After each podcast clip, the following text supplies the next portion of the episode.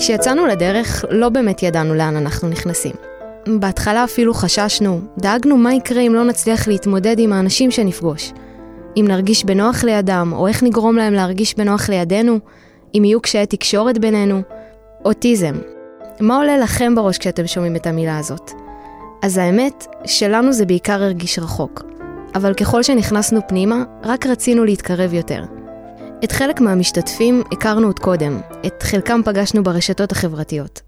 יש כאלו שמציגים את עצמם כאוטיסטים, אחרים קוראים לזה על הספקטרום או בתפקוד גבוה, אבל מה שבאמת הבנו, זה שגם אם אנשים חולקים את אותה הגדרה, זה לא בהכרח אומר שהם חווים את אותן התחושות. יש כאלה שמתקשים וכאלה שבכלל לא תזהו שמשהו בהם שונה. כזה הוא הרצף האנושי, אין סופי, ולכל אחד יש בו את המקום שלו.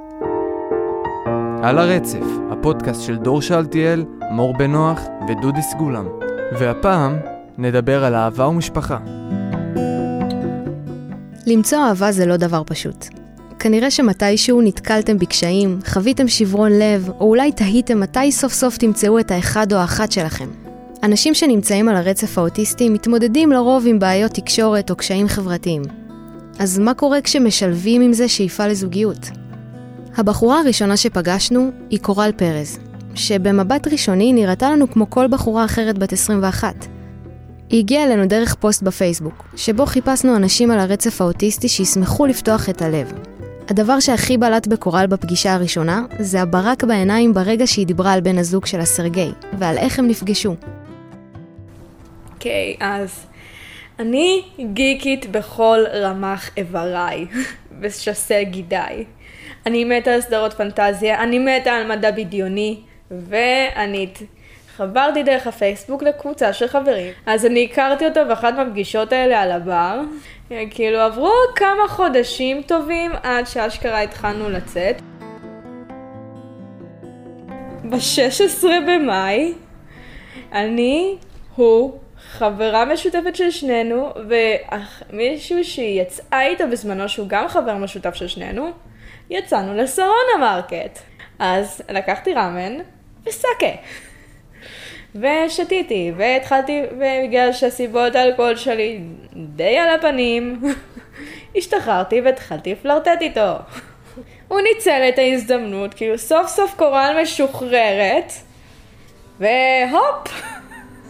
קורל וסרגי נמצאים כבר מעל שנה ביחד, ובזמן שחלק נמצאים בזוגיות, יש מי שעדיין מחפש. יוני לוינסקי, בן 26, מספר שהוא עדיין לא מצא את האחת. אני מאוד uh, שואף ש...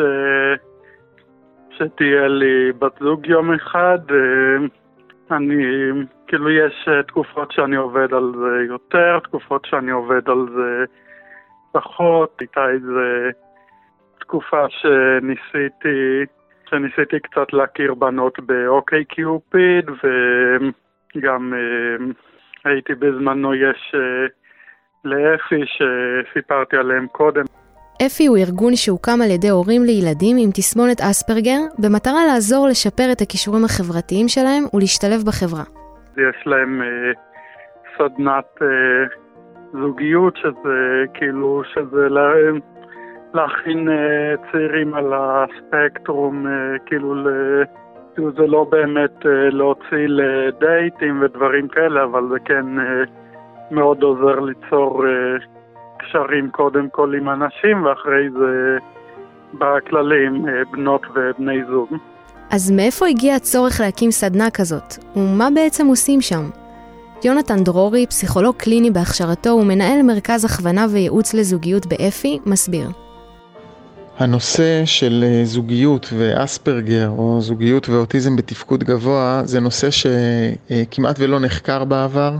הוא נושא שלא היה במרכז תשומת הלב של נותני שירותים, והעיסוק שלנו בו הוא נעשה בצורה מאוד אה, צנועה וזהירה. אנחנו רוצים קודם כל לתת מענה לאנשים שמעוניינים בזוגיות או שנמצאים בזוגיות ונתקלים בקשיים, אבל אנחנו מאוד נזהרים מלטפח אה, ציפיות גבוהות או אה, להתיימר לתת אה, אה, פתרונות לנושא הזה של זוגיות, שכידוע הוא נושא מורכב אה, מאוד עבור כל האוכלוסייה, ובטח ובטח עבור אנשים שאחד המוקדים של הקושי שלהם הוא בתחום החברתי והבין-אישי. כיום יש מגוון דרכים להכיר פרטנר לחיים. יוני ניסה דרך שהרבה מאיתנו מרגישים בה בנוח ומנסים בה את מזלנו. זה שנרשמתי לאוקיי קיופיד זה היה בעקבות uh, כל מיני מחשבות שהיו לי על uh, להתחיל uh, להכיר בנות, ככה בתור שלב בדרך לזוגיות. לא הזכרתי שם בכלל את נושא האוטיזם, זה כאילו העדפתי לחכות עם זה לרגע שאני יותר uh, אדבר עם הבחורה, אבל כן נגיד אם היו שם שאלות על נגיד על האם היית יוצא עם uh, מישהו או עם מישהי עם אספרגר, אז uh, כמובן ציינתי שכן, אם ראיתי שיש בנות שכתבו שלא, אז לא הייתי מסמן שאני רוצה קשר איתן. אחד המאפיינים שמזוהים עם אוטיזם הוא קושי תקשורתי. יונתן מתאר כמה קשיים כאלו שעולים במהלך סדנת הזוגיות, הוא מסביר מאיפה הם נובעים. יש כמה קשיים שאני יכול לתאר בקצרה. אה, הראשון הוא נטייה להימנעות, נטייה אה, גם להסתגרות חברתית כללית ובטח להימנעות מיוזמה בכיוון של זוגיות. אה, וזאת למרות שיש רצון עקרוני בזוגיות, אבל אנשים שלא מעיזים בעצם ליזום, להרים טלפון, לנסות לעשות את הפעולות בשביל להגיע לדייט.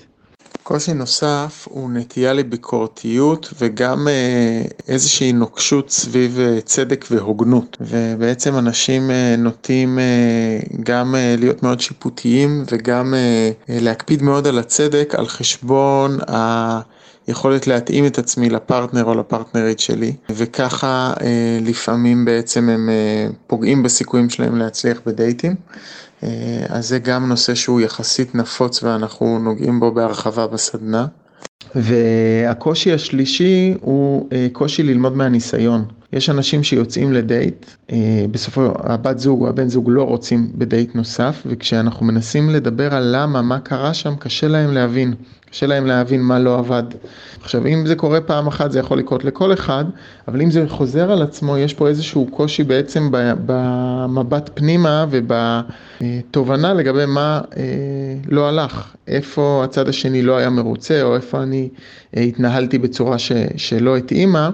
הדבר שאנחנו נרצה ללמוד בהקשר הזה הוא איך אה, ללמוד מהניסיון, איך לקבל פידבק אה, מהסביבה באופן שאני אצליח לפענח אותו. ובחזרה ליוני, שלמרות שלא הצהיר בפרופיל שלו באפליקציה על האבחון, הוא עדיין מחפש בחורה שדומה לו. בא לי בת זוג על הספקטרום, הייתי רוצה, אם, אם כן, אז אה, בתפקוד אה, גבוה, ולמרות שכן יש לזה יתרונות, שיהיה לה יותר קל אה, להבין אותי. בכללי אני מרגיש שיותר קל לי להבין אנשים על הספקטרום, נגיד החברים שלי, ש... שאני מרגיש שהם נגיד יותר מבינים אותי, אפילו מההורים שלי לפעמים.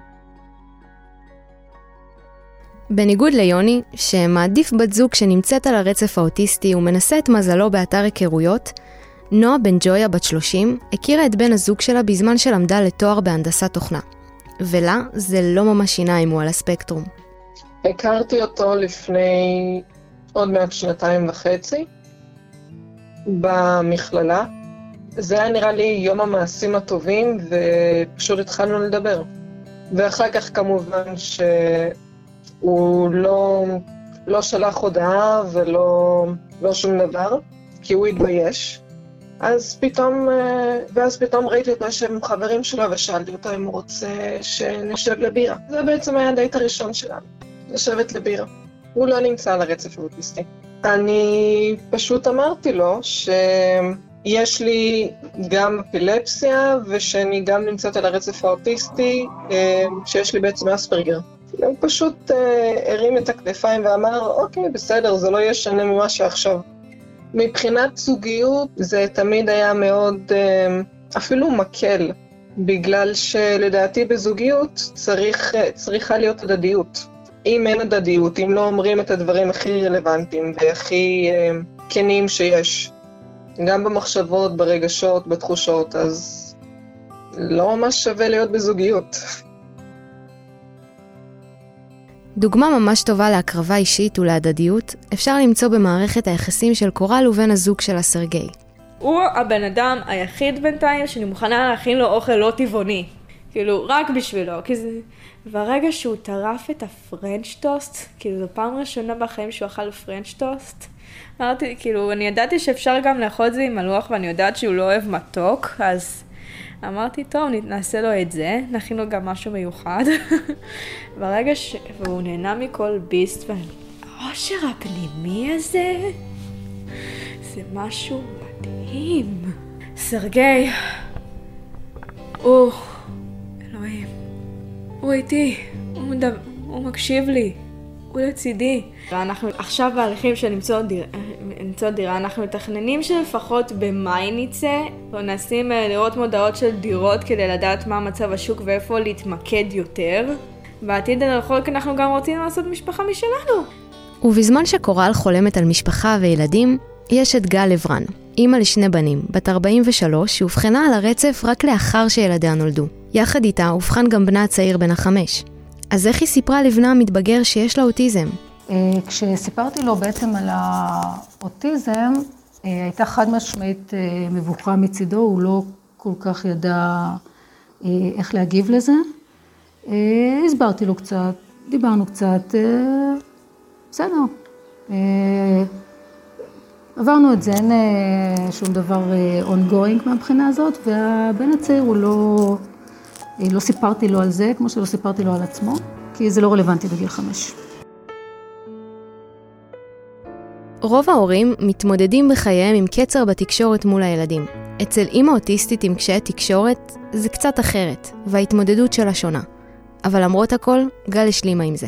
בילד הגדול שלי, בבכור, שהוא היום אה, עוד מעט בן 13, אין לו שום קשר ביולוגי אליי, האקסיט שלי ילדה אותו ואני אימצתי אותו.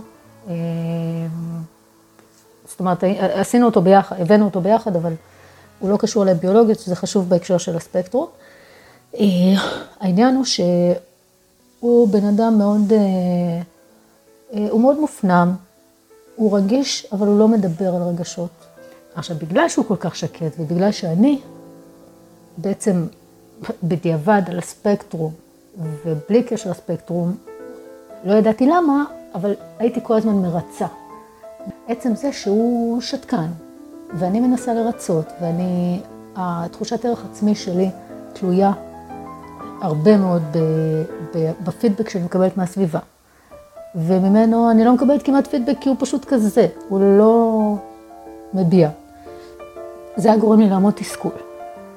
ואז אה, בעצם אה, כדי להצדיק את קיומי ניסיתי בזמן שהוא אוכל, קצת לדבר איתו וכולי, והוא לא משתף פעולה כי זה הוא. ואני לא מצליחה לעשות את זה כי אני לא יודעת לנהל סמולטוק.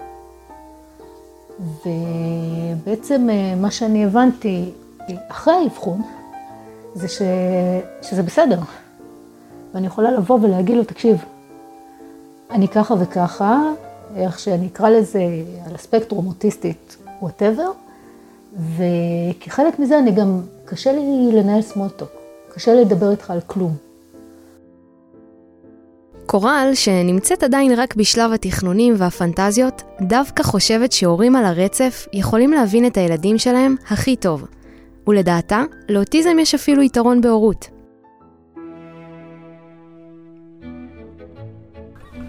אם כבר, אנחנו יודעים הכי טוב איך לא לגדל ילדים. כי אצלנו, עד כמה שהורים עושים טעויות עם ילדים עם צרכים מיוחדים, בוא, כאילו, יש את הקטע הזה של לעשות שבח והכל להורים, לילדים מיוחדים, עד כמה שהם מתאמצים, בואו נשים את זה על השולחן. הם ההורים שנוטים לעשות הכי הרבה טעויות. הם נוטים לעשות הכי הרבה טעויות, כי דוגרי, אף אחד לא באמת מספק להם כלים. בגלל שאנחנו בעצמנו אכלנו את כל החרא הזה, ואנחנו מכירים את הצרכים של עצמנו, ויודעים שגם צריך לתת לילד את, את המקום אה, להתבטא בקטע הזה, ש... כי ילדים הם לא טיפשים. ככל הנראה נדע קצת יותר טוב איך להתמודד עם ילד אוטיסט מההורה הלא אוטיסט הממוצע. ומה עם מי שבכלל לא חולם על הקמת משפחה? לעומת קורל, שבגיל 21 כבר יכולה לדמיין את עצמה כאימא, לנועם אהרוני בן ה-26 זה מרגיש כמו הדבר הכי רחוק ממנו בעולם. לא יודע, זאת בסימן שאלה, אני לא... להביא ילדים לעולם אין מצב, זה אפילו, זה כאילו שאומרים לי איזה... שהבאתי לך איזה, איזה, איזה משהו מלא שמן ושוקולד, זה, אני עברתי כל כך הרבה דברים בחיים שלי וגם הרבה אנשים לא בהכרח מאמינים בזה, אז להביא ילדים לעולם אין מצב ואני גם אף פעם לא יצאתי למשל עם רישיון ואני, הרבה דברים נעשו מתוך התייאשות כאמצעי הגנה, כי אני זוכר שהיו הרבה סיטואציות לא טובות ומכל טעות למשל שבן אדם עשה לי, אני למדתי מזה ו... עצם זה שאני אומר, אני אמרתי שהיכולות זיכרון שלי ואני זוכר דברים בצורה מאוד צלולה, אז אני זוכר את כל הדברים בתור ילד ונער, ויש לי טראומה בתור ילד ונער, ולא היה קל לגדל אותי וגם עוד כל מיני אנשים על הרצף. אני חושב שזה, בלי קשר להביא ילדים לא רגילים רגילים, אני, אני די בצד של הטבע, אני לא, כבר לא תומך בשום דבר של בני אדם, אני גם לא אפילו מצביע, אני חושב שבני אדם... לא רק שעושים עוול לטבע ולכדור הארץ, בני אדם לא יודעים להסתדר זה עם זה. להקים משפחה בשבילי זה לא דבר רצוי, זה לא... ובינתיים, קורל ממשיכה לדמיין איך הבית העתידי שלה ייראה, וחושבת על המשמעות האמיתית שעומדת מאחורי הדבר הגדול הזה, שנקרא להביא ילד לעולם. אז החלומות שלי זה להיות הייטקיסטית, להקים בית ומשפחה משלי הרחק מהמדינה המטורפת הזו, במקום שבו אם ייוולד ילד שהוא גם אוטיסט אני אוכל לגדל אותו ברווחה יחסית ועם יכולות שילוב יותר גדולות. אני רוצה שיהיה לי בית קטן, צנוע ונחמד, שבו אני אוכל גם אוכל לחנך את הילד שלי להיות בן אדם טוב ולהיות בן אדם אכפתי ושהוא גם יהיה חופשי לעצב את תפיסת העולם שלו כפי שהוא רוצה כי אחרי הכל אם אני, אם זה עם סרגי, הוא יהיה עם אימא שמאלנית ואבא ימנית, אימא טבעונית ואבא שאוכל בשר, והוא יוכל לטעום מהכל. כששואלים אנשים למה הם רוצים להביא ילדים, זה בדרך כלל או, או אני לא רוצה להיות לבד כשאני אזדקן, או אני רוצה להביא משהו מעצמי לתוך העולם הזה, או שאני לא רוצה להיות בודד, זה סיבות די אנוכיות. הסיבה שלי באנוכיות זה... זה, אני רוצה להביא גם משהו מעצמי, אבל יש גם סיבה אלטרואיסטית שהיא שניונית אבל גם היא חשובה, זה שאני רוצה, רוצה שאם אני גם אביא משהו מעצמי, אלא גם שאני אתן, שהמשהו מעצמי זה יהיה בן, יהיה בן אדם שעומד בזכות עצמו בעולם הזה ושהוא שהוא ייקח אותי בתור הדמות הדוגמה שלימדה אותו, אותו שהוא יכול להיות מה שבא לו ולחשוב איך שבא לו וש... שהעקרונות שלו חשובים ושחשוב לו לעמוד על שלו. האזנתם לפרק מתוך הפודקאסט על הרצף. מוזמנים להישאר איתנו לפרקים הבאים.